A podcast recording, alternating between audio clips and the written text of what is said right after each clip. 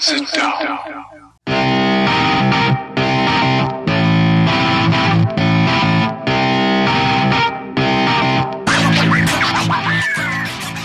Witam wszystkich i każdego z osobna. Ja jestem Robert Kochan, a to jest Kochana NBA, najbardziej nieobiektywny podcast o najlepszej koszykarskiej lidze świata. To już 40 odcinek naszego podcastu, a razem ze mną, jak zwykle, od tych 40 odcinków jest tutaj Wiaro. Siema Wiaro, co tam słychać u Ciebie w ten piątek? Siema Robert, cześć wszystkim. No, słoneczko dzisiaj zalewa żarem, a słoneczka zlały moich nuggets, więc no już tak, już, już mi tak niewesoło w tych playoffach. No ale z drugiej strony zbliżamy się już do końcówki, także wiesz. Po pierwsze mamy o czym gadać, bo to był intensywny tydzień, a po drugie zaraz takie prawdziwe emocje, bo finały już za pasem. No mamy o czym gadać, to chyba trochę mało powiedziane, bo tych tematów i w ogóle tych rzeczy, które się wydarzyły e, przez ostatni tydzień, to aż ciężko to wszystko rozumem ogarnąć. Ja przygotowując się tutaj jakby do tego podcastu, zastanawiając się o czym będziemy rozmawiać, zrobiłem sobie taką listę najciekawszych tematów i okazało się, że wyszło ich aż 17. Do tego jeszcze doszedł 18, e, informacja z najnowszej chwili. Kemba Walker został wytradowany do Oklahoma City Thunder.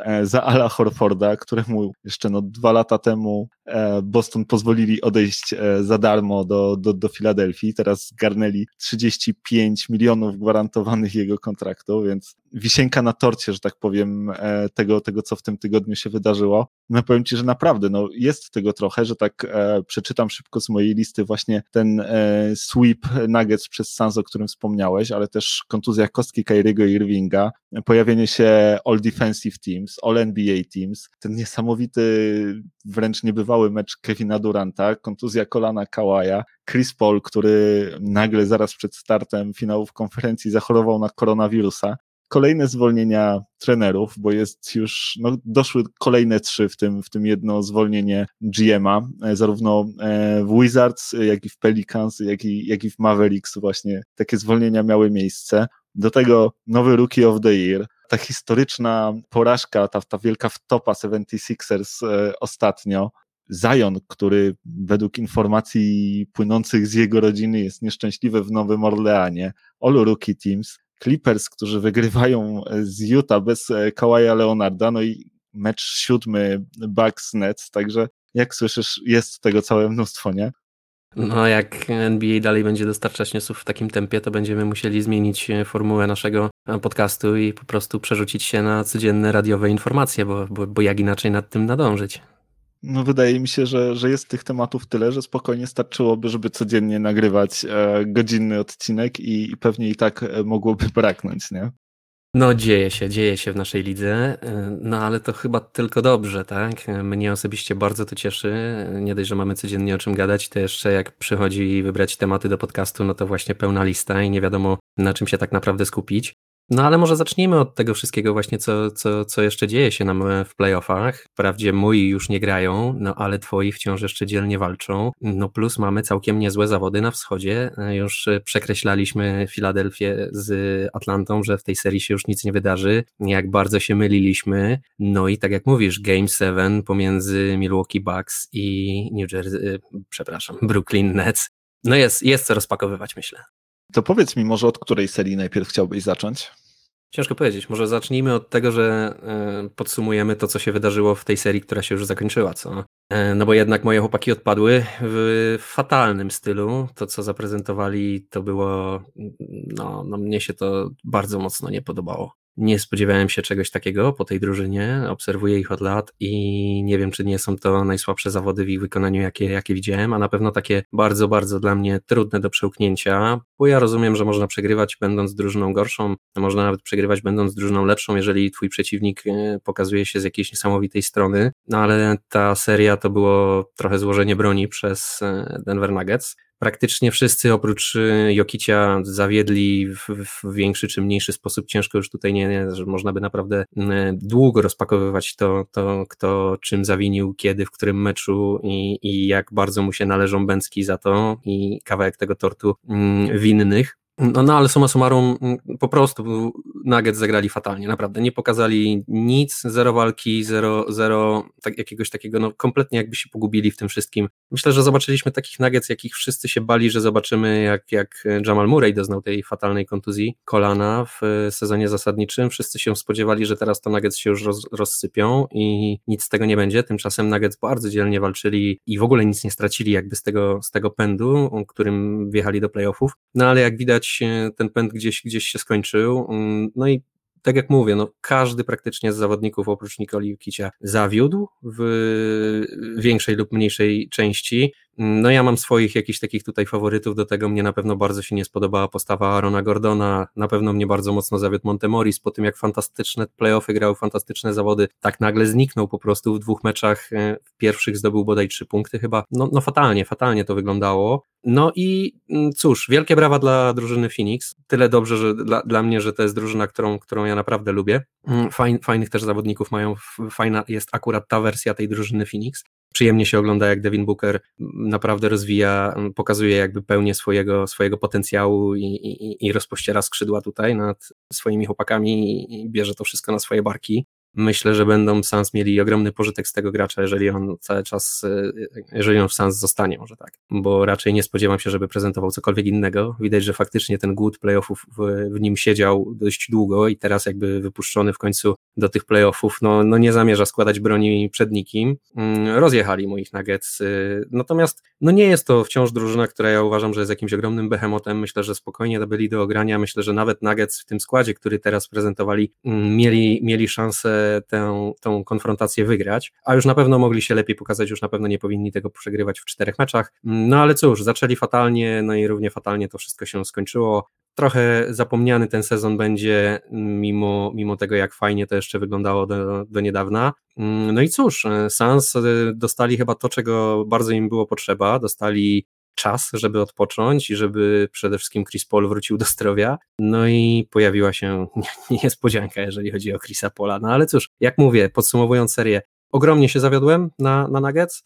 No i, i jednocześnie wielki wyrazy szacunku tutaj dla, dla Phoenix, to jak na sumę części, którą oni mają w tej drużynie, tak, jak popatrzysz na tych wszystkich poszczególnych grajków, którzy w Phoenix grają, to oni grają naprawdę fantastycznie jako drużyna, no i tutaj wielkie brawa za to dla tego zespołu. No i cóż, ja im będę na pewno kibicował, chyba, że spotkają się z Clippersami w następnej serii, no to wtedy już będę na, będzie moje serce na pewno mocno podzielone. E, no nie wiem, czy ty masz coś do dodania, jeżeli chodzi o tą serię Denver z Phoenix?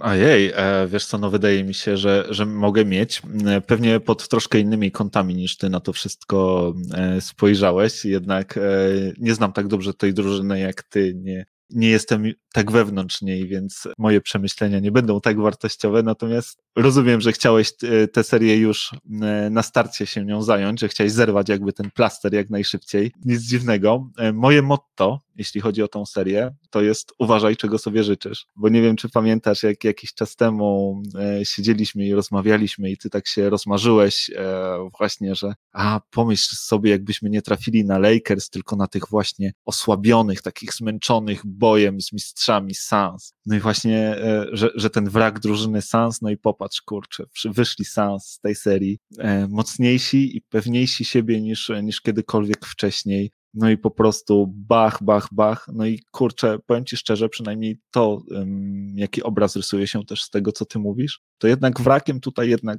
no, była trochę drużyna Nuggets, nie? tym wrakiem, no jakiego no tak, się no. spodziewałeś zobaczyć w Sans. To znaczy, Więc, powiem e, tak, no, Sans też naprawdę to jest właśnie sezon, który jest jakby.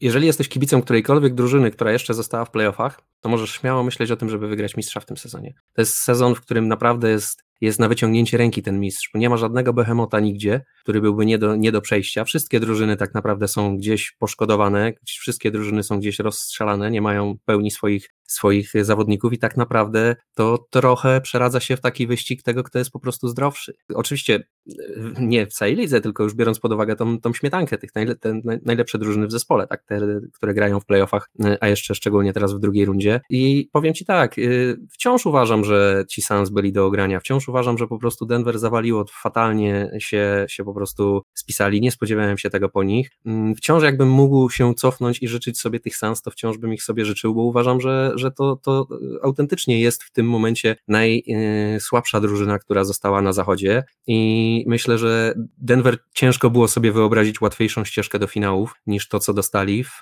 w tym roku. No niestety kontuzja Jamala Murray'a też na pewno tutaj e, się jednak przypomniała w tej serii, ale tak czy inaczej, tych Nuggets, których obserwowaliśmy jeszcze w poprzedniej serii z Portland, a tych Nuggets, których zobaczyliśmy teraz w serii Suns, są dwie zupełnie różne rzeczy. No wiesz, w sumie od początku tych playoffów mówimy, że Suns wydają się być e, jedną z tych najsłabszych drużyn na zachodzie, a oni nic sobie z tego nie robią, kroczą od zwycięstwa do zwycięstwa. No i tak naprawdę mają swój e, pierwszy finał e, konferencji od 2010 roku przejechali się i, i, i pozamiatali tych Nuggets. No ja tak jak ty uważam, że poza Jokiciem to słabo się pokazała jednak ta drużyna, natomiast no Jokic jest elit, tak? Zwłaszcza w tym meczu numer 3, to co zrobił to 30, 20, 10, wiesz, to wow, niesamowite przegrany mecz, no wiadomo, nic poza, nic poza tym e, drużyna nie pokazała, natomiast e, no, fantastyczny mecz. On w ten sposób w ogóle dołączył do bardzo też elitarnego grona, bo nie wiem, czy wiesz, ale tego, tego rodzaju statystyki w playoffach to zanotowało tylko dwóch zawodników. W latach 70., dokładnie w 1970 Karim Abdul-Jabbar, a trzy lata wcześniej w 67 Wilt Chamberlain. Więc to takie, wiesz, bardzo, bardzo zacne grono, no i po 50 latach e, dopiero możemy takie statystyki w playoffach zobaczyć. Szkoda, że, że ostatecznie e, skończyło się to porażką i to aż 14 punktów, więc to nawet e, nieszczególnie, nieszczególnie blisko. No ale z kolei w czwartym, w czwartym, tym ostatnim decydującym meczu, no powiem Ci szczerze, kontrowersyjnie się to, się to skończyło. Ta trzecia kwarta, to wyrzucenie Jokicia, ten jego atak i e, próba morderstwa Camerona i, i wyrzucenie Jokicia, no, wtedy chyba Nuggets przegrywali tylko czterema punktami. To była bodajże końcówka trzeciej kwarty. Wszystko wydawało się być jeszcze gdzieś tam, przynajmniej ten jeden mecz taki honorowy do, do wygrania. No a Jokic taką decyzją trochę pozbawił, e, pozbawił e, szans Nuggets na, na zwycięstwo. Jak, jak ty w ogóle oceniasz? Widziałeś na pewno tę sytuację setki razy, co, co o niej myślisz? Wiesz co, to jest. Ja się dziwię, że jest taka narracja tego wszystkiego. E, jak na próbę morderstwa to wyjątkowo słaba ta próba morderstwa była. No, zamachnął się tak naprawdę piłkę trafił i po rękach Camerona Payna. No owszem, był to, był to jak w dzisiejszych czasach, przy dzisiejszej koszykówce i przy dzisiejszych zasadach był to teoretycznie flagrant 2 foul, czyli czyli taki jakby no, agresywny faul i to drugiego stopnia według przepisów, ale wciąż wyrzucać MVP w takim meczu za coś takiego to jest no, przesada moim zdaniem. Natomiast jakby to już było po weselu, nie? To już, to już się działo na poprawinach wszystko. To już tam nie ma się co jakby tutaj upatrywać jakichkolwiek rzeczy, które o czymkolwiek przesądzały tutaj. To już, to już była, może ten mecz był do wygrania, ale prawda jest taka, że jeszcze jakbyś posłuchał tego, co jakiś miał do powiedzenia na temat tego faulu, w ogóle też klasa Jokicia, że on od razu podszedł y, do Camerona Payna, wytłumaczył mu, że nie chciał absolutnie mu nic tam e, krzywdy zrobić, ani nic w ten deseń, po prostu, y, jak on to zresztą później na, na konferencji mówił, e, chciał poderwać swoją drużynę do walki, chciał popełnić hard foul, taki twardy faul i chciał, chciał dać jakiś taki po prostu sygnał do walki drużynie, bo, no bo już nawet w tym meczu czwartym widać było, że, że po prostu no, chłopaki nie mają tego czegoś. No, gdzieś, to, gdzieś, gdzieś ta wola walki, gdzieś ta, gdzieś ta chęć wygrywania, mimo że jesteś przyparty do muru i już ledwo widać jakąkolwiek nadzieję, już, już, już umarła w Nuggets. W tym momencie no, Jokic chciał ich jeszcze wszystkich poderwać do tego wszystkiego. Sędziowie go za to wyrzucili z boiska. No to no ale tak jak mówię, no to już i tak działa na poprawinach. No, czas na takie rzeczy był w meczu numer jeden, czas na takie rzeczy był w meczu numer dwa, czas na takie mecze był w meczu numer trzy, który był kluczowy tak naprawdę. Już wychodzić z dołka 3-0, to już proszę cię, to już yy, ciężko w ogóle oczekiwać czegokolwiek od drużyny, która już przegrywa 3-0. Także ja nie mam tutaj jakichś wielkich pretensji akurat o tą sytuację do Jokicia.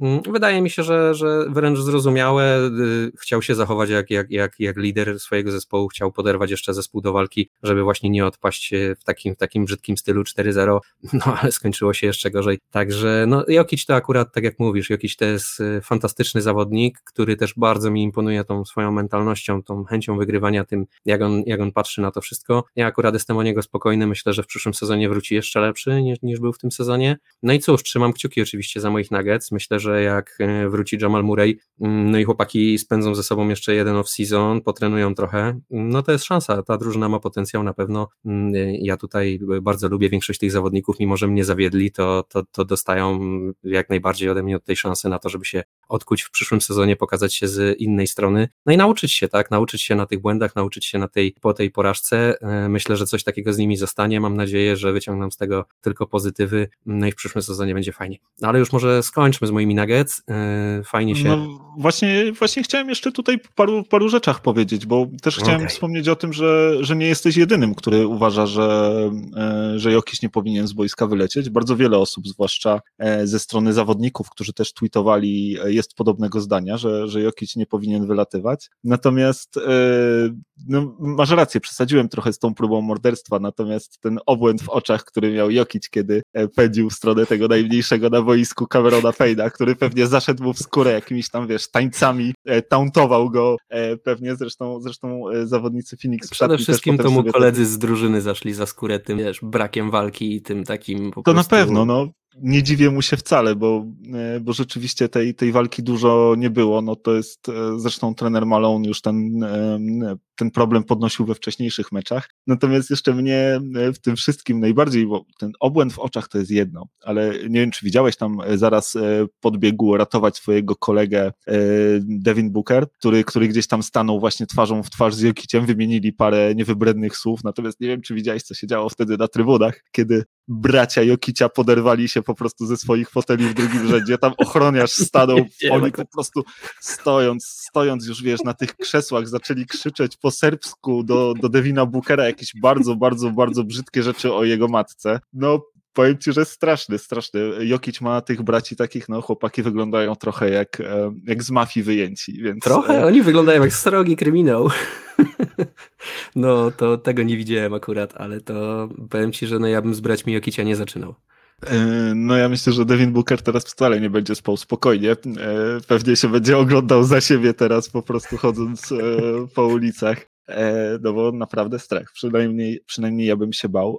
Ale wiesz co, w tej serii już jakby ty wyczerpałeś temat Nuggets, ja bym chciał może troszkę jeszcze powiedzieć o Sans, wiesz, bo chciałbym tutaj e, zwłaszcza, zwłaszcza parę słów o Chrisie Polu, bo, bo ten y, czwarty mecz w jego wykonaniu w tej serii, no to też było coś, e, coś niesamowitego to 37 punktów, e, też takie historyczne, jeśli można e, rzec, jeżeli chodzi bo, o, o playoffy, bo zawodnicy, którzy w wieku 36 lat lub e, starsi zdobywali 37 punktów, też ich jest jak na lekarstwo. Podobnie jak właśnie w przypadku tych, tych statystyk Jokicia, tak i tutaj do tej pory udało się tylko dwóm zawodnikom zdobyć ja, właśnie 37 akurat, punktów. Tak, akurat można będąc... łatwo wytłumaczyć. No, słucham cię w takim razie. W przypadku Chrisa Pola przynajmniej. No, mm, dużo zależy od tego, kogo masz naprzeciwko siebie, nie? A w Nuggets zostało trzech zdrowych gardów, z czego e, jeden z nich to jest e, szalony druid Austin Rivers, drugi to jest Montemoris, który kompletnie zniknął, e, a trzecim z nich jest Facundo Campazzo, więc tam niespecjalnie miał kto Chrisa Pola zatrzymywać.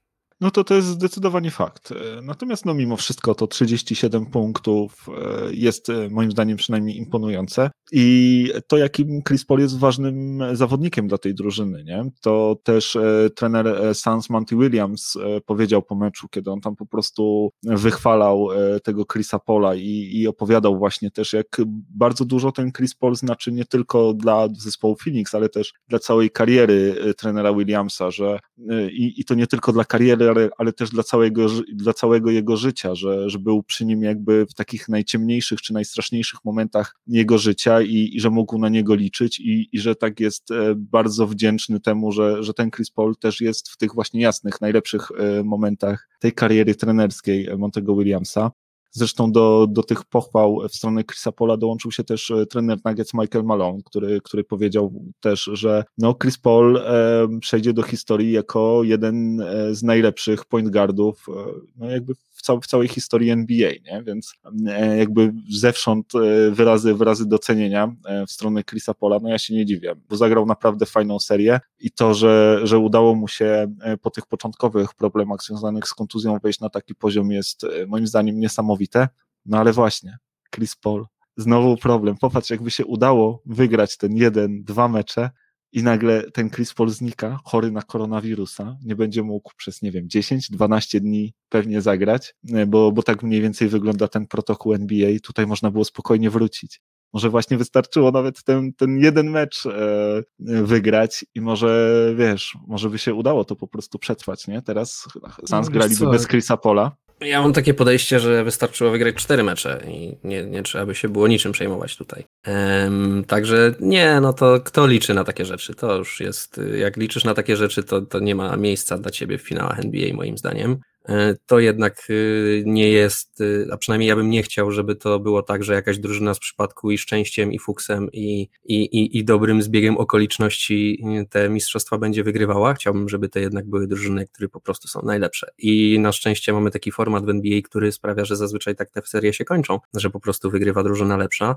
No i tutaj też tak no było. Ale, no, ja... no ale wiesz, no nie możesz w ten sposób patrzeć też, bo zwróć uwagę na to, że tutaj w zasadzie każdy, tak jak powiedziałeś na początku, każdy ma swoje problemy, tak? I Nuggets też e, można powiedzieć, że Suns w takim razie mieli ten advantage, że, e, że Jamal Murray się kontuzjował, tak? I mogli grać, i Denver nie mogło grać bez swojego podstawowego point guarda, nie? Tutaj każdy z czymś się mierzy, wszędzie są te kontuzje. E, tak, wiesz, no to co... Kontuzje są wszędzie. To Natomiast... tak jakby mieć pretensje do Bucks, że, że nie wiem, że, e, że, że się Kyrie Irving e, kontuzjował i że to jakby mniej, mniej znaczy w jakiś sposób. No, każdy się tutaj z czymś boryka, nie? Więc. Jasne. Y, pakowanie się do dołka 3-0 po to, żeby liczyć na to, że wygrasz jeden mecz, po czym Chris Paul się skontuzjuje, nie zagra w dwóch kolejnych, więc być może te dwa też kolejne wygrasz, doprowadzisz do Game 7, to nie jest dobra taktyka na wygrywanie czegokolwiek. Mam... Nie, no to oczywiście, wiesz, e, nikt tutaj też nie liczył na to, że się Chris Paul kontuzuje, no ale, ale tutaj no jak widać, e, zabrakło go. No i ciekawe, pewnie Sans teraz e, modlą się, żeby seria klipsów trwała jak najdłużej, żeby, żeby ten Chris Paul e, zdążył wyzdrowieć i, i wrócić do drużyny. No właśnie, może w takim razie przejdźmy do następnej serii, o której byś teraz chciał pogadać. No to jak już jesteśmy przy, przy, e, na zachodzie, no to może zostańmy na zachodzie. Mówimy tutaj o, już o tym, że Phoenix czekają faktycznie na swojego przeciwnika z następ, następnej rundzie i liczą na to, tak jak mówisz, że, że seria Utah z Clippers potrwa jak najdłużej. E, no ja jeszcze tylko krótko dodam, że e, ja myślę, że bez Chrisa Pola ci Phoenix Suns no na pewno nie będą już tacy groźni jak, jak do tej pory. Chris Paul mimo tego, że pokazuje jakby, ja nie jestem zaskoczony zaskoczony tym, że on tak dobrze zagrał w, w serii z Nuggets. Chris Paul to nie jest zawodnik, który nie umie takich rzeczy, no to on już myślę od dawna nam wszystkim pokazał, jak, jaki wartościowym jest zawodnikiem. Miał bardzo dużo pecha, tak jak mówisz, w, w playoffach i bardzo często właśnie kończyło się to w taki sposób, jak i teraz, że, że jest w jakiś sposób kontuzjowany lub w inny sposób niedostępny dla, dla swojej drużyny. Zobaczymy, jak bardzo to zaszkodzi mm, Phoenix w następnej rundzie. No i bardzo jestem ciekaw, co, czy, czy, czy w końcu uwierzyłeś? Czy, czy, czy w końcu Masz nie, jakieś to jest, nadzieję, widzisz to? Jest, to? To jest, to jest pułapka. To jest pułapka, to jest pułapka na mnie i wszystko wskazuje na to, że jest pułapka. Nie, ja ciągle trzymam się historii, to się jeszcze nigdy nie zdarzyło. Zawsze się znajdzie jakiś sposób, żebyśmy, żebyśmy to przegrali. Zwłaszcza, że no, bez Kałaja nie będzie o to trudno. Wydaje mi się, że, że jednak Jazz nie zagrają tak słabo, jak zagrali w ostatnim meczu, że zagrają lepiej u nas, a my nie będziemy w stanie drugi raz już e, w Utah wygrać. E, nie wiem, czy wiesz, ale chyba nie wygraliśmy przed tym ostatnim meczem, nie wygraliśmy tam, bo od 22 spotkań w Utah. Jakoś tak totalnie, totalnie nie potrafimy e, tam wygrać. Więc nie, nie wierzę, nie wierzę ciągle. Wydaje mi się, że, że to się nie stanie. Chociaż i tak jestem bardzo dumny z tego, co ta drużyna pokazała. Jak ostatnio gadaliśmy o tym, to było 0-2, nie? Po raz kolejny super początek i wydawało się, że Clippers po prostu od nowa uczą się raczkować, uczą się chodzić i dowiadują się, jak w ogóle wygląda świat NBA i jak wyglądają playoffy. Po czym po tych dwóch meczach nagle jest Eureka, e, znowu robimy small ball, czyli to, co się nauczyliśmy w poprzedniej serii, dopiero doszliśmy do tego po dwóch przegranych meczach znowu, e, odkrywając koło na nowo. E, natomiast też chciałem powiedzieć, że, że trochę jakby ty fajnie na początku chyba tych playoffów, jak rozmawialiśmy o szansach Clippers, to mówiłeś, że mm, oni będą mieli takie mecze, że, że będą robili przewagę właśnie do, do połowy, do trzeciej kwarty, kilkunastu punktów i że tym razem, tak jak ją wcześniej oddawali, to tym razem jej nie oddadzą. No i tak rzeczywiście to przynajmniej w tych, tych trzech ostatnich wygranych przez Clippers meczach wyglądało, bo oni w każdym z tych meczów właśnie budowali taką e, przewagę do przerwy, no i potem e, potrafili ją e, obronić, nie? No powiem Ci tak, ja w ogóle jestem pod dużym wrażeniem tego, co, co, co robią Clippers, yy, natomiast nie jestem zaskoczony. Ja od dawna powtarzam, że ta drużyna ma ogromny potencjał i to są zawodnicy z najwyższej półki. Paul George Tego gościa naprawdę wypada pooglądać, a najlepiej zobaczyć jego dobre mecze, te, w których naprawdę odpala i zobaczyć wtedy, jak on nie ma po prostu głowy zajętej jakimiś nie wiadomo jakimi rzeczami, presjami, stresami, strachami, cokolwiek tam jeszcze go, go, go nęka od czasu do czasu, to gra fantastycznie. To jest zawodnik, który przypomina Kevina Duranta. Jest tak płynny, tak, tak po prostu on, on, potrafi naprawdę wszystko, ma, jest ogromny, ma niesamowity dribbling, niesamowitą kiwkę, chodzi na tym boisku gdzie chce, ma y, ogromne y, kroki przy wejściu pod kosz, praktycznie z, z, z, linii za trzy potrafi dwutakty robić, no, y, rzuca fenomenalnie i ma taką po prostu płynność i lekkość tych ruchów, to jest naprawdę wielki talent, ja to dawno powtarzam, tylko że on ma problem z głową i on ma problem mentalnie i tam jak coś mentalnie nie funkcjonuje, no to on po prostu rzuca jakimiś cegłami na tablicę, nie? Oprócz tego jest robot, czyli Kałaj, czyli The Claw, czyli, czyli pan po prostu pewniaczek. Jemu się zdarzają słabe mecze, ja pamiętam na razie chyba dwa albo trzy jego słabe mecze. Owszem, zdarzają mu się od czasu do czasu słabe mecze w playoffach, ale to są jakieś po prostu ewenementy. Na, na, na co dzień gra po prostu rewelacyjnie jak robot, w każdym meczu praktycznie to samo, a w tych playoffach, ja, ja ci już namówiłem o nim, że nikt nie mówił o nim w wymiarze e, MVP, tak, w tym sezonie zasadniczym, a on po cichutku robił swoje, grał jeden z najlepszych sezonów w swojej karierze. I przekłada się to na playoffy, przekłada się to jak, na to, jak on gra w playoffach, no zobaczymy, ja tylko o zdrowie się boję, jeżeli chodzi o Clippers, E, no i jeszcze jedna rzecz, może tutaj już e, po drugiej stronie tego wszystkiego, aczkolwiek to jest tak naprawdę zasługa waszego trenera, więc Tylu, bardzo Ci dziękuję za to, że pokazujesz wszem i wobec na dużych monitorach wszystkim e, kibicom szerokiej publiczności, jak bezużytecznym obrońcą potrafi być Rudy Gobert. Bardzo, bardzo mnie to cieszy i dziękuję pięknie z całego serca. No, myślę, że, myślę, że e, Taj nas słucha, więc na pewno to do niego dotrze. E, słuchaj, rzeczywiście ten Paul George, e, no słuchaj, trochę jakby playoff P is back, można powiedzieć, tak? Tak to nie mów, są... ale... Nie, no tak, tak, tak, tak, tak się śmieję, bo, bo naprawdę te playoffy w jego wykonaniu e, są moim zdaniem no, naprawdę co najmniej dobre, a, a stają się z każdą chwilą e, coraz lepsze, bo te chyba dwa najgorsze mecze to były jego pierwsze dwa mecze z Dallas, potem e, było już tylko lepiej ten w ogóle jego ostatni mecz to był e, najlepszy mecz w całej historii playoffów e, Clippersów, ten 37 punktów, 16 zbiórek, 5 asyst. Naprawdę fantastyczny mecz. Sam Paul George w tych playoffach średnio robi 27 punktów prawie, 9,3 zbiórki, 5 asyst, więc te statystyki e, z tych playoffów fantastyczne. Razem z Kałajem w ogóle zostali trzecim dopiero duetem w całej historii ligi, który zdobywał 20 plus punktów w pierwszych 11 meczach w playoffach, więc też taka naprawdę no, dobra seria, jak, jak, jak na to wszystko popatrzysz. Tylko co z tego? Co z tego, nie? W meczu numer 4 Kałaj ląduje, kontuzja, ACL i tyle. I nie ma Kałaja i, i pewnie już nie będzie Kałaja i z tego co słyszałem, e, to być może nawet lada moment podda się szybkiej operacji.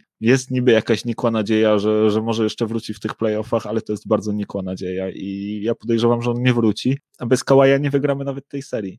To znaczy, może się wydarzy jakiś taki super mecz, znowu kolektywny. Musieliby zagrać drugi tak dobry mecz jak, jak ten ostatni. Nie wiem, czy są w stanie zagrać takie mecze e, dwa, razy, dwa razy z rzędu, no a potem jak pojadą do Utah, no to tam naprawdę będzie trudno. Tam zawsze im było trudno i, i, i zwłaszcza w tym meczu numer 7, no to może być naprawdę ciężkie. Wspominaliśmy o tych kontuzjach i tutaj też e, jakby to, co się e, Clippersom przydarzyło i, i, na co właśnie niby nie można liczyć, no to też ta, ta kontuzja Donawana Michela, bo on też e, właśnie od tego meczu numer 3, e, gdzie wydaje mi się, jeśli się nie mylę, ją, ją złapał, on też nie wyglądał tak dobrze. No i, no i właśnie też w tym meczu numer 5 to było doskonale widać, kiedy on tam po którejś trójce właśnie wylądował na nodze i wyglądało to trochę jak celebracja, natomiast no jak się temu przyjrzałeś, jak tak skakał na jednej nodze, bardzo go ta kostka druga bolała z grymasem bólu właśnie wracał, wracał do obrony, więc to też e, na pewno sprawiło, że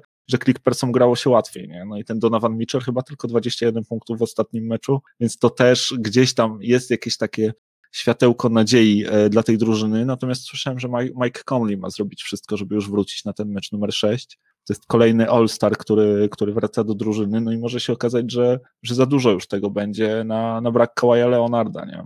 Że, że ta jego kontuzja może, może wszystko przekreślić, no i że właśnie znowu się skończy tak, jak skończy. Dlatego ja myślę, że to jest pułapka i że to się jednak mimo wszystko nie uda. Jeszcze tego nie widziałem nigdy w życiu. Nie wiem, może, może to się musi Też stać, żebym, no słuchaj, e, no powiem Ci tak, po pierwsze no to, zasmuciłeś mnie tutaj tą nowiną, że to jednak e, więzadło, jeżeli chodzi o kolano Kałaja, nie wiedziałem, myślałem, że, że będzie jeszcze, że, że są duże szanse, że wróci jednak jeszcze w tej serii. Mm, no jak Kałaj Leonard nie wróci, no to no to prawdopodobnie macie pozamiatane. Aczkolwiek w tej serii na pewno nie wróci. W tej serii wróci, na pewno tak? nie wróci, na, na bank nie. E, być może wróci po tej serii, bo to nie jest zerwanie wiązadła, tylko jakby jakieś takie naciągnięcie.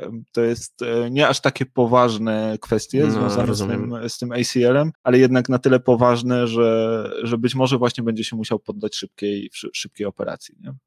No to, no cóż, no bez Kałaja będzie bardzo, bardzo ciężko tą serię z Utah wygrać, chociaż, no tak jak już wspominaliśmy, no to naprawdę wygląda na to, że najzdrowsza drużyna wygra mistrza prawdopodobnie w tym roku. E, być może ten sezon jednak jest zbyt szybko i zbyt intensywny po, po poprzednim sezonie. Mm, plaga kontuzji w playoffach, dawno nie widzieliśmy czegoś takiego. Nie wiem, czy w ogóle widzieliśmy kiedyś coś takiego.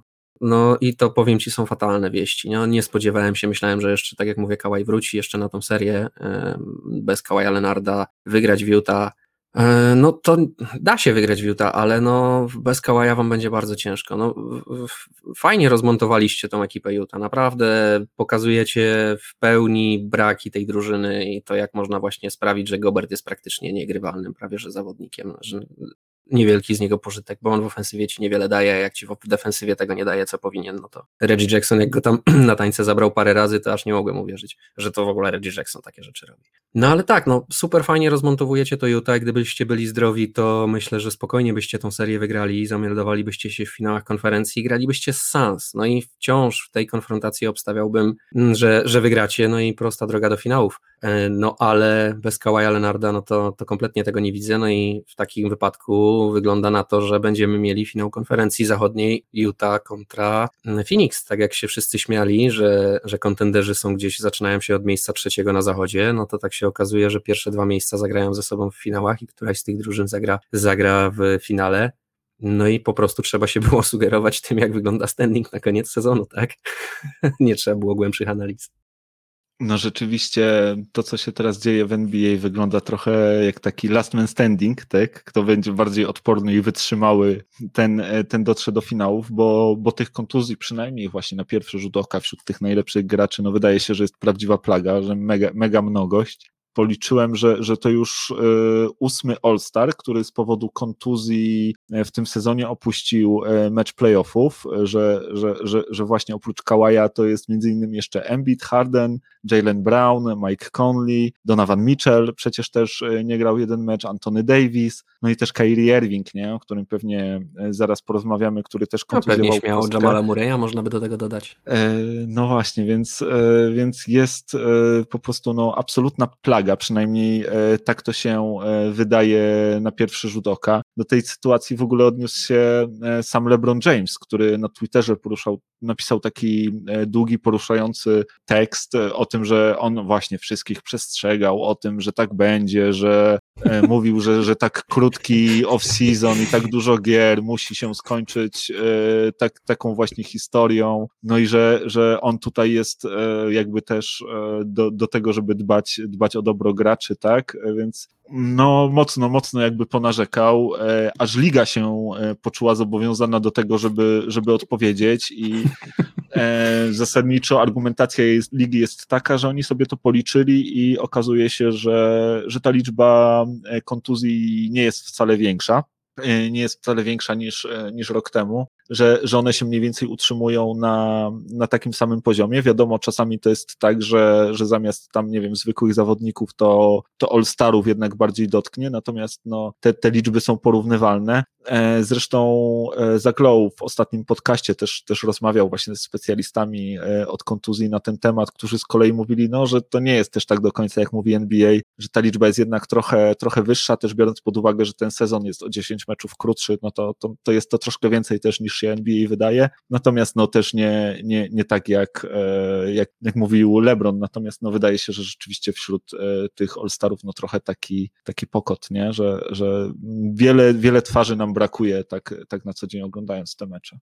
No, mnóstwo i to właśnie takich kluczowych zawodników, którzy decydują, można powiedzieć, o tym, jak danej drużynie pójdzie w playoffach. Y, no, naprawdę można by wymieniać praktycznie każdą drużynę po kolei i po prostu patrzeć, kogo im brakowało i, i w którym momencie. Y, nie mówiąc o tym, że no, tacy Lakersi to w ogóle odpadli całkiem z playoffów przez to, że, że, że nie byli zdrowi. Nie? Także no, bardzo to jest niefajne akurat. Y, być może to jest po prostu pech, tak jak mówisz, że akurat powypadało na takich ważnych zawodników te kontuzje, a, a nie na jakichś zawodników gdzieś tam pobocznych, nazwijmy ich tak, roleplayerów jakiś, ale no może nie, no jednak umówmy się, ten sezon jest y, dość intensywny i dość szybko nastąpił po, po poprzednim, mm, no i jednak to widać, a też jest tak, że przez ostatnie lata była jednak taka tendencja do tego, żeby dawać tym zawodnikom sporo odpoczywać, żeby takich nie, nie eksploatować, no to być może też e, wpłynęło na to, że teraz jak, jak nastał czas takiej ostrej eksploatacji, to, to organizm nie jest przyzwyczajony i widzimy właśnie tą plagę kontuzji.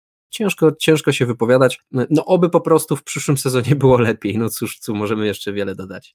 Wiesz co, na to mogło mieć wpływ bardzo wiele rzeczy, bo, bo to właśnie nie tylko musiało mieć ten napięty kalendarz, ale być może to, że z uwagi na okres pandemiczny zawodnicy mniej i rzadziej trenowali, może te mięśnie nie były przyzwyczajone, czy stawy do, do, do jakichś takich obciążeń na, na co dzień przyczyn, przyczyn można mnożyć, pewnie nie, nie jesteśmy w stanie ostatecznie dociec, e, jak to wszystko wyglądało naprawdę. Faktem jest natomiast to, że rzeczywiście brak tych zawodników e, odbija się na, na tych seriach, które teraz mają miejsce. No i dokładnie to samo możemy obserwować w tej serii Nets Bucks, tak? która, no jak ostatnio rozmawialiśmy, to było 2-1 dla Nets e, i wydawało się, że, że tutaj Bucks, no ciężko im znaleźć sposób, żeby, żeby sobie jakoś w tej serii poradzić. No tu proszę, mecz numer 4, 5,5 minuty bodajże do, do końca drugiej kwarty i Kyrie Irving spada na nogę Janisa, wykrzywia kostkę, e, z bólem na twarzy e, schodzi do szatni, potem e,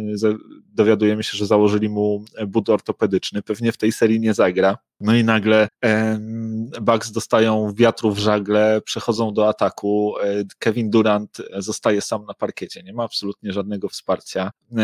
Na niego rzuca się po prostu jeszcze PJ Tucker, który, który nagle dostał jakby dodatkowego podmuchu energii i, i okazuje się, że, że przegrywają e, ten mecz, no i znowu remis i, i dzieje się w tej serii, nie? Potem e, kolejny mecz, w którym Kevin Durant po prostu gra absolutnie historyczny e, mecz, taki godny chyba no, meczów, e, meczów wszechczasów, takich najlepszych, jakie, jakie mieliśmy e, przyjemność obserwować. To jego 49, 17, 10 i całe 48 minut na parkiecie, tak? Kevin Durant nie zszedł nawet na sekundę z tego meczu. Zagrał od początku do samego końca i po prostu przez cały czas był niesamowity. To jest pierwszy gracz w ogóle, który w playoffach zagrał całe 48 minut minut od czasu Lebrona w 2018 roku, więc to nie jest e, wcale takie częste, mimo że się wydaje, że, że te playoffy właśnie zawodnicy zawsze grają dłużej, no to e, no niesamowite dla zawodnika, który jeszcze dwa lata temu miał kontuzję Achillesa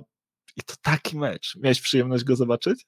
Miałem przyjemność go zobaczyć i powiem Ci, że w ogóle obserwować Kevina Duranta w tych playoffach e, w całej praktycznie serii z Bucks, nawet w poprzednim meczu, czysta przyjemność to naprawdę jest niesamowity zawodnik. Wiesz, ja akurat, jeżeli chodzi o to jego zdrowie, to się tak bardzo nie dziwię, że wrócił do tej formy. Ja pamiętam, jak jeszcze lata temu, jak oni grali z Westbrookiem w Oklahoma City, to my się śmialiśmy, że e, nie dość, że to są tacy zawodnicy, tak, tak ogromnie utalentowani, którzy tyle po prostu robią e, wszystkiego na boisku, to jeszcze w ogóle się nie kontuzjują i są po prostu gdzieś tam w jakimś laboratorium pod Oklahoma wybudowani. Pamiętam, jak się śmialiśmy, że to cyborgi są. Potem już nie było tak lekko, już te kontuzje gdzieś tam się im przytrafiały, ale wciąż Durant to jest gość, który podobnie jak LeBron James ma warunki fizyczne, których po prostu nie widujesz u innych ludzi. On jest genetycznie fantastycznie obdarzony. Nie? To, że jego ciało się w taki sposób potrafi ruszać przy takim wzroście, y, to jaki on jest szybki, to jaki on jest zwinny, jaką ma koordynację ruchów, to jest naprawdę niesamowite. Więc y, to nie jest zawodnik, który jest jakoś mm, super podatny na, na te kontuzje. Y, raczej można liczyć właśnie na to, że wraca do tej pełni swojego zdrowia. To jest jednak fizycznie bardzo obdarzony zawodnik, tak to ujmę. No a jeżeli chodzi o umiejętności boiskowe, to kompletny. Po prostu ja naprawdę za każdym razem, jak go oglądam, to się nie mogę nadziwić, jaki on ma szeroki wachlarz umiejętności. On po prostu potrafi na tym boisku wszystko. On rozumie wszystko na tym boisku i w ofensywie, i w defensywie. On wszystko rozumie to, co się tam dzieje, gdzie powinien być. Czasem mu się nie chce. Czasem jest tak, że, że, że wie pewnie, że jak, jak powinno się to zagrać, ale już nie wiem, albo jest y, za daleko, albo po prostu nie, nie, nie, nie prezentuje takiego powiedzmy oddania. No ale w tych playoffach i w tej serii z Bucks naprawdę ogląda się go po prostu rewelacyjnie. Nic nie. Mimo, że PJ Tucker mu tam utruwa jak może, to nic nie są w stanie na niego Bucks poradzić, po prostu nic. A mm, tak jak mówisz w tym meczu numer 5, to po prostu no, no, no, przypuszczam, że tak mniej więcej czuli się ludzie, którzy oglądali jak Michael Jordan rzuca 63 punkty e, Boston Celtics i, i Larry Bird potem mówi, że to Bóg wstąpił e, i, i, i zagrał w tym meczu e, zamiast Jordana, tak? Przypuszczam, że to było podobne, podobne uczucie, bo, bo ja po, po prostu siedziałem z rozdziawionymi gałami i szczeną gdzieś w okolicach podłogi i nie mogłem uwierzyć, że kolejne rzuty i to takie rzuty i to wszystko siada i on po prostu rozmontowuje ich i robi co chce. To ogromny, ogromny talent, jeżeli chodzi o Kevina Duranta. No i pytanie, czy, czy to wystarczy? No wystarczyło w tamtym meczu, wczoraj już y, się okazało być za mało. Nie? Wczoraj się okazało, że jednak jak Durantowi nie siedzi po prostu wszystko na takich skutecznościach, bo on naprawdę pluł ogniem w tamtym meczu. po prostu nie do uwierzenia to było. Tutaj już y, w tym, w tym meczu numer 6 trochę zszedł na ziemię, no ale też przede wszystkim drużyna Milwaukee wzięła się naprawdę do roboty i zdali sobie sprawę, że grają przeciwko jednemu kolesiowi. I to naprawdę będzie wstyd, jak to przegrają, bo James Harden to jest gość na jednej nodze i to, że on w ogóle jest na tym boisku i to, że on jeszcze potrafi być pożyteczny, ja nie wiem, jak on to robi do końca, aż się dziwnie Hardena obserwuje, jak gra, ale też pokazuje to, jak, jak inteligentnym zawodnikiem jest James Harden. No, duży pech, powiem ci, e, Brooklyn Nets, bo jednak chyba wychodzi na to, że gdyby ta drużyna była zdrowa, to mogliby pozamiatać tutaj na wschodzie. Wygląda na to, że, że Bucks nie są takim behemotem, jak się, jak się spodziewaliśmy. Philadelphia absolutnie też chyba nie jest takim behemotem, jak się wszyscy spodziewaliśmy. E, no a nie, nie wyobrażam sobie, żeby Atlanta miała zatrzymać Brooklyn Nets. Więc wydaje mi się, że gdyby byli zdrowi, to też będą mogli tutaj mówić o ogromnym pechu w tym sezonie, bo gdyby byli zdrowi, to myślę, że dojechaliby spokojnie do finałów i mieliby ogromne szanse, żeby w te finały zgarnąć w tym roku. No zdecydowanie, wiesz, od samego początku mówiliśmy, że na papierze ten ich skład wygląda niesamowicie, jeszcze po tych wzmocnieniach z buyoutów to, to już zwłaszcza. Natomiast no wracając jeszcze do tego, do tego meczu numer 5, tego niesamowitego występu Duranta, e, jeśli, jeśli pozwolisz, bo to naprawdę było coś, no wow. Jeszcze chyba, no nie chyba, nikt e, jeszcze dotychczas w historii NBA nie zagrał meczu, w którym zdobyłby 45 lub więcej punktów, zdobywając przy tym 15 lub więcej zbiórek i 10 lub więcej asyst. To się, to się wcześniej w NBA nie zdarzyło. Steve Nash e, po tym meczu, jak to zobaczył, to po prostu podbiegł do Kevina Duranta i objął go. Jest takie no, piękne zdjęcie pokazujące właśnie, jak e, przytula mocno e, Kevina, jak, jak po prostu jest pełen podziwu wobec tego, co zobaczył, tak? Niektórzy też to na Twitterze nazywali, niektórzy zawodnicy też na Twitterze nazywali to arcydziełem, co, co, co zobaczyli właśnie w wykonaniu Kevina coś niesamowitego. I e, tak, masz rację, wtedy starczyło. E, wczoraj już, e, już okazało się za mało. Nie jest chyba w stanie Kevin Durant cały czas w ten sposób grać. Chyba ten za dużo, za dużo tego jest, zwłaszcza, że on starał się tam dosyć mocno walczyć w obronie, a wsparcia miał w zasadzie za grosz, tak? Bo, bo w tym meczu trafiał tylko on i, i kto? I, i, i Green, tak? Jeśli się nie mylę. Tak jest. No a Harden okej, okay, wrócił po kontuzji, 46 minut też zagrał, 5 punktów zdobył. 5 no. punktów, Był jed, je, 1 z 10 i, i 0 z 8 za 3. Nie trafił trójki, 0% właśnie za 3, ale zagrał 46 minut. Tylko na dwie minuty usiadł, mimo że wrócił po kontuzji. Na jednej nodze. I, na jednej nodze, a Bucks zupełnie nie byli w stanie tego wykorzystać. Nie atakowali go, nie, on tam nawet wręcz, e, Janis go próbował na posta wziąć, a Harden akurat, no on taki ciałka troszkę ma, więc na tym poście wytrzymał. Jeszcze raz tam Janisowi w ogóle piłkę zabrał. E, no nie potrafili zupełnie wykorzystać tego faktu właśnie, że, że Harden jest e, na jednej nodze. No zobaczymy ten e, James na pewno będzie zyskiwał pewnie sił. Wczoraj już zagrał e, jednak lepiej, mimo wszystko. Zobaczymy, jak to będzie wyglądało dalej. No i wielkie emocje. Game 7, być może pierwszy z trzech, e, jakie, jak, jakie przed nami, ale, ale, ale już pewny. I, I powiedz mi, jak ten Game 7 obstawiasz? Ech, no, no, no, no nie mogę już na tym etapie powiedzieć nic innego, jak tylko Milwaukee Bucks, no Bucks in 7, no. E, tak jak mówiłeś, że prawdopodobnie będzie z hit Bucks in 7, no to ja obstawiam, że to jednak to jest to Bucks in 7, mm, o którym wtedy mówiłeś.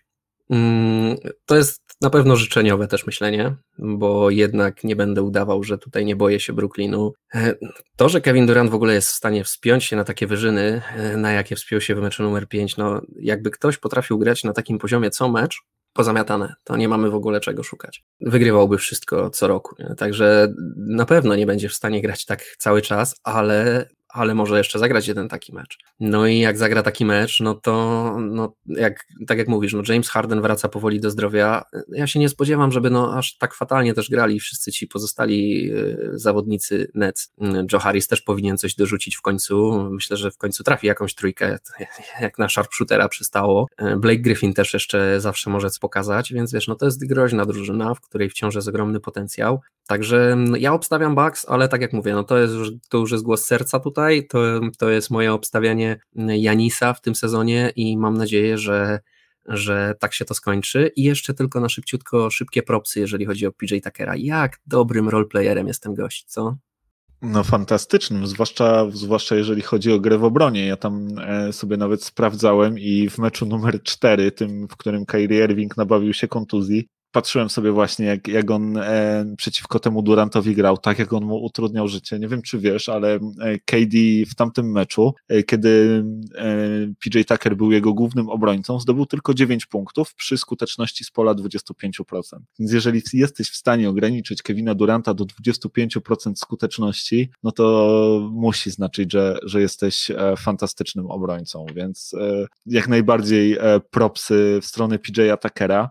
Natomiast ja chyba jednak troszkę może na przekór zmienię swoją predykcję i stwierdzę, że już, że już w tym roku wygrałem e, z Brooklyn Nets, więc może, może to właśnie tak ma być, może prawo serii.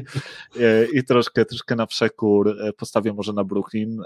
Wydaje mi się, że James Harden może też troszkę lepiej zagrać w tym meczu numer 7 że już nabierze więcej sił, że już trochę dłużej jest z drużyną, może uda mu się odpalić. Ja tutaj nie myślę, że to będzie jakieś tam 40 punktów, ale jeżeli możemy dostać od niego powiedzmy 20 punktów i 11-12 asyst, plus bardzo dobry mecz Kevina Duranta, co jest raczej e, pewnikiem, no to może się okazać, że, że to wystarczy, bo e, Milwaukee gra słabo nie grają tak dobrze, jak myślałem e, w tej serii i nawet ten, e, ten ostatni mecz niby wygrany, a wiesz, e, ile oni? 7 na 33 za 3? tylko 21% skuteczności. Ale wiesz co, akurat ten ostatni mecz pokazał pewną zmianę filozofii, jeżeli chodzi o Bucks, a szczególnie o Janisa. Janis w końcu zagrał mecz taki jak powinien, czyli w środku po prostu przestał, bo wiesz, Nets robią trzy kroki od Janisa i mówią rzucaj. No i Janis się przez te zazwyczaj daje skusić na to rzucanie i to jest, to jest głupie z jego strony, bo on po prostu nie umie rzucać, no. A jak wchodzi pod kosz, to ma ogromną przewagę tak naprawdę nad wszystkimi. Jak zagra znowu taki mecz jak teraz i zagra pod koszem, zagra po prostu jak naśladując Szaka trochę e, w tym wszystkim, to jak najbardziej mają szansę. No ale tak jak mówisz, yy, grają tak ogólnie, jako cała drużyna grają słabo. Middleton zagrał naprawdę dobry ostatni mecz, Janis zagrał przyzwoity ostatni mecz, bo zagrał właśnie w środku, zaczął, miał kilka takich akcji pod samym koszem, kilka takich paczek, które naprawdę przesłały jakieś, wiesz, yy, jakąś wiadomość do drużyny przeciwnej. Yy, natomiast no zobaczymy jak to się, ja wcale nie jestem, mówię Ci, ja wcale nie jestem taki pewny tego Milwaukee, y, uważam, że Brooklyn jest bardzo groźną drużyną, jak odpalą, no to no, no to pozamiatają po prostu e, to Milwaukee. No i jak Janis znowu się będzie e, bawił gdzieś w okolicach trójki i, i, i linii e, osobistych i będzie rzucał jakieś turnaround jumpery z obrotu, jakieś z półobrotu jumpery i inne tego typu rzeczy, zamiast po prostu wejść pod kosz, sprzedać komuś dwa barki, po czym zapakować piłę, no to też będzie kiepsko. No, o, dużo znaków zapytania, no bo Chris Middleton też musi zagrać świetnie. Wczoraj zagrał rewelacyjnie. Ewidentnie najlepszy mecz Chrisa Middletona, jaki ja widziałem, to na pewno i wydaje mi się, że to jest najlepszy mecz, jaki on zagrał w, w, w, swojej karierze, to co wczoraj zrobił. Więc jak powtórzy to, jak znowu zagra naprawdę bardzo dobrze, mm, reszta drużyny się, się gdzieś tam pokaże przynajmniej, no to mają szansę, no bo umówmy się, no zdziesiątkowany ten zespół Nets jest. No ale z drugiej strony, no tak jak mówisz, to jest y, wielka niewiadoma, tak naprawdę jakbym miał obstawiać, to pewnie bym obstawiał, że to jest taki rzut monetą tutaj 50-50 pomiędzy tymi drużynami. No ja wezmę stronę Bucks, bo jestem z nimi od samego początku, więc tak już zróbmy, ale może tym razem bez zakładania się o obiad, co? No pewnie, jak najbardziej. E, dobra, sobie przejdźmy do, może do tej ostatniej serii w takim razie i powiedz mi w ogóle, co się dzieje z Filadelfią. Tydzień temu tak e, gdzieś tam zachwycaliśmy się tą grą Bena Simonsa, e, rozmawialiśmy o Matsie Tajbulu e, i wtedy było 1-1 w tej serii. Wydawało nam się, że Fili ma, mają pod kontrolą. A tu proszę, w tym momencie mamy 3-2 i Filadelfia podstawiona, postawiona pod ścianą. No pytanie, czy, czy się spod tej ściany zdołają jeszcze, jeszcze zebrać i zdołają coś powalczyć, czy, czy jednak Trey Young dowiezie drużynę Atlanta Hawks do, do finałów konferencji, bo powiem Ci, że ja tracę trochę wiarę w tą Filadelfię po tym, co widzę, bo no absolutnie jakieś dziwne historie się tutaj wydarzają. Co, co ty w ogóle myślisz o tym, co widziałeś?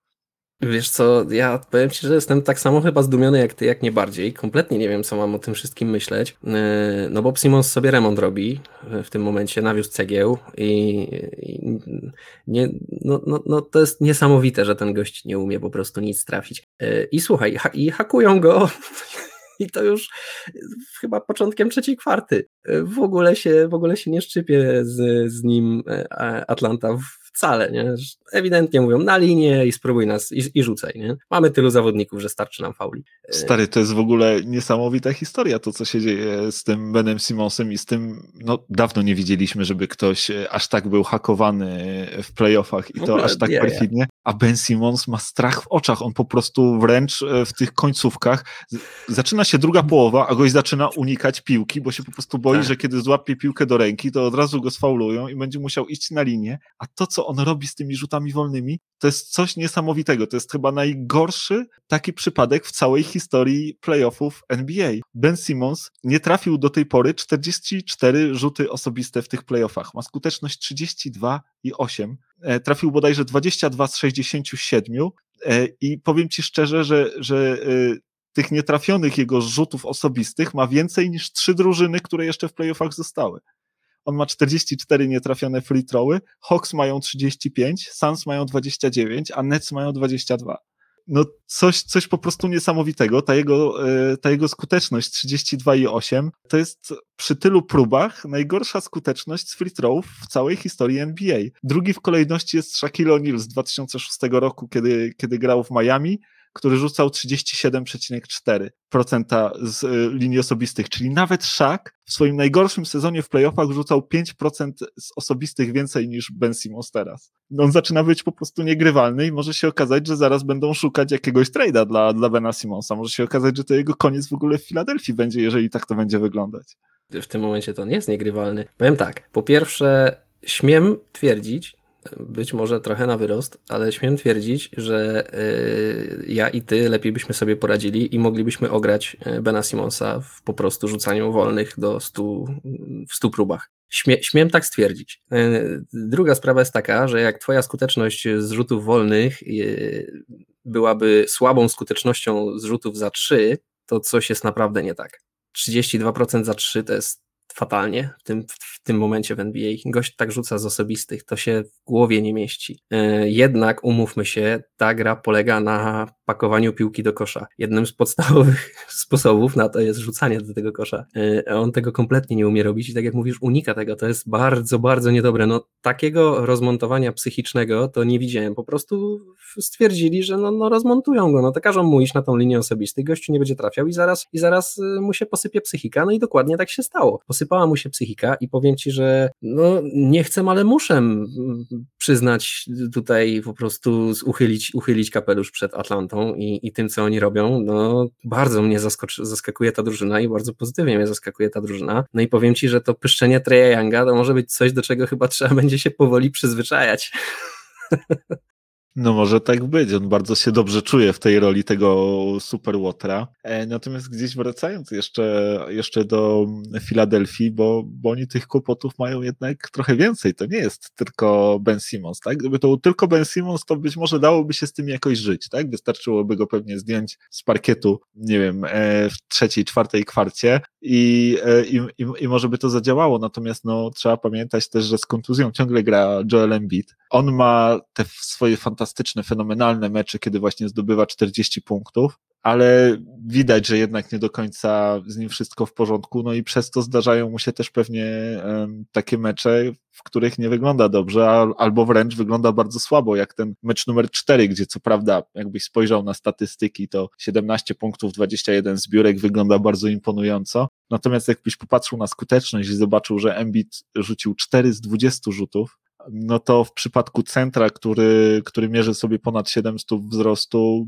to nie jest, e, nie jest najlepszy wynik i ta porażka e, w meczu numer 4 głównie właśnie na, na konto Embida spada, bo wtedy akurat cała drużyna Filadelfii zagrała nie najgorzej. W meczu numer 5 Embid zagrał już fantastycznie razem ze, e, z Sefem Kerem, który wyglądał przez moment jak, jak swój lepszy brat, no po prostu robili co chcieli, ale co z tego, skoro z kolei drużyna wtedy nie zagrała dobrze i wszyscy pozostali, po prostu wszyscy pozostali zawalili absolutnie ten mecz. Tobias Harris to nawet nie wiem w ogóle, czy w nim zagrał, czy nie nie mam pojęcia, bo, bo on chyba tam cztery punkty zdobył i ani jednego nawet osobistego nie rzucał, więc po prostu absolutne e, przejście obok meczu. No coś, coś, coś po prostu e, niesamowitego, e, to co, to, to co się w ogóle stało, ten, ten blowback, tak, który, który tam miał miejsce w tym meczu numer 5, gdzie do przerwy Filadelfia wygrywała 62 do 40, 22 punktami do przerwy, 24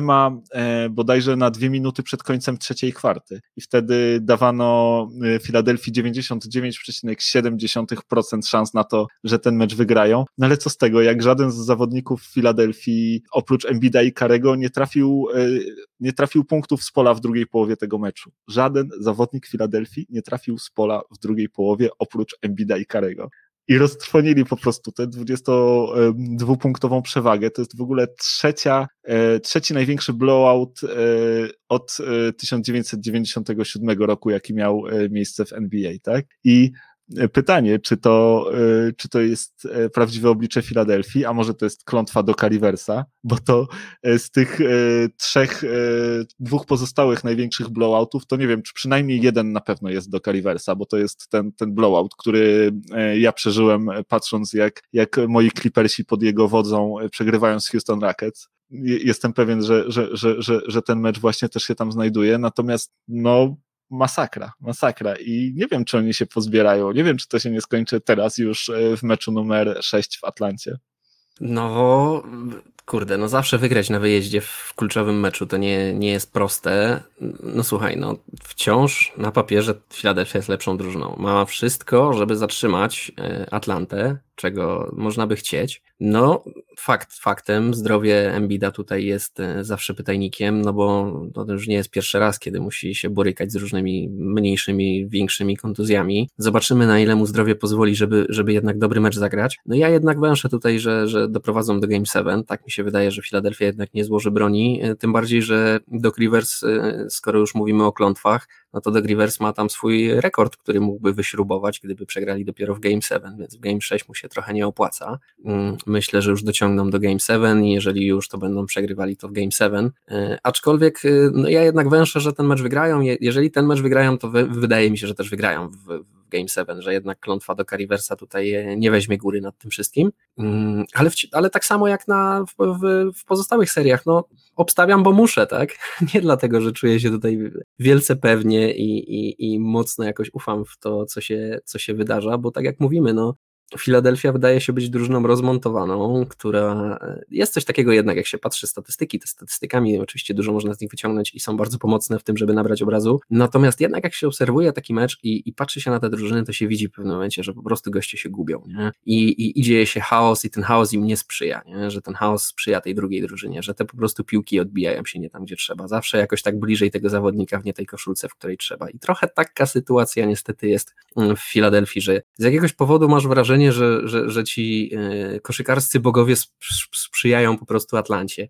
I, I naprawdę fajnie ta gra wygląda Atlanty, więc no nie przekreślam tutaj chłopaków. Ja już ich przekreślam od początku sezonu i, i cały czas mi udowadniają, że, że kompletnie niesłusznie to robię, więc e, najwyższy czas przestać chyba, poprawić się w tym aspekcie i przestać ich skreślać. Um, aczkolwiek tak jak mówię, no. Um, wielki, nie, nie wiem co mam tutaj obstawiać, serce mi podpowiada Filadelfię, wolałbym zdecydowanie, żeby, żeby, żeby Filadelfia wygrała, rozum podpowiada, że raczej Atlanta to wygra, e, idę już za sercem w całych tych playoffach, więc pójdę tutaj i, i tutaj za Filadelfią, ale e, tutaj to nawet, nawet lunchu bym nie założył, nie mówiąc już o tym, żeby, żeby o obiad się zakładać.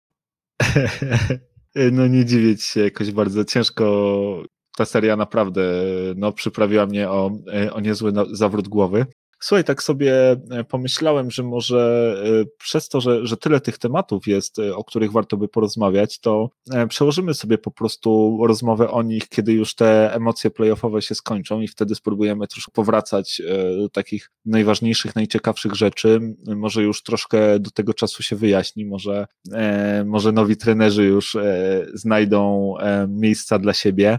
Pewnie Rick Carlisle nie będzie musiał długo czekać. Myślę, że jest cała kolejka chętnych chętnych na to, żeby go zatrudnić. No ale, ale na pewno e, będzie mnóstwo tematów do, do tego, żeby, żeby je poruszyć, kiedy te playoffowe emocje już, e, już opadną i ten, i ten cały kurz. Natomiast no, my bardzo dziękujemy Wam, że, że byliście z nami dzisiaj, że, że spędziliście z nami tę, e, tę ostatnią godzinę. I słuchajcie, jeżeli macie do nas jakieś pytania, chcielibyście nam o czymś powiedzieć, czy, czy może ponarzekać na nas, to możecie to w bardzo łatwy sposób zrobić. Wystarczy, że napiszecie do nas na kontakt małpka nba.pl albo uderzycie bezpośrednio na Facebooku. Zachęcamy Was do, do pisania do nas, do, do komentarzy, do polubienia naszej strony, polecenia jej e, swoim znajomym. Także czekamy, czekamy na Wasze komentarze, czekamy na Wasze uwagi i, i chcielibyśmy też posłuchać, co wy myślicie o tym, co, co teraz w NBA się dzieje i, i jak wam się podoba no, mnogość tych emocji, z jakimi mamy do czynienia. Także dziękujemy wam bardzo raz jeszcze, że byliście z nami. Życzymy wam bardzo miłego i przyjemnego tygodnia, właśnie pełnego takich dobrych emocji. No i co? No i e, do zobaczenia za tydzień na 41 odcinku. W zasadzie to do usłyszenia. Trzymajcie się, hej. Nic dodać, nic ująć. Trzymajcie się cieplutko, do usłyszenia następnym razem. Cześć.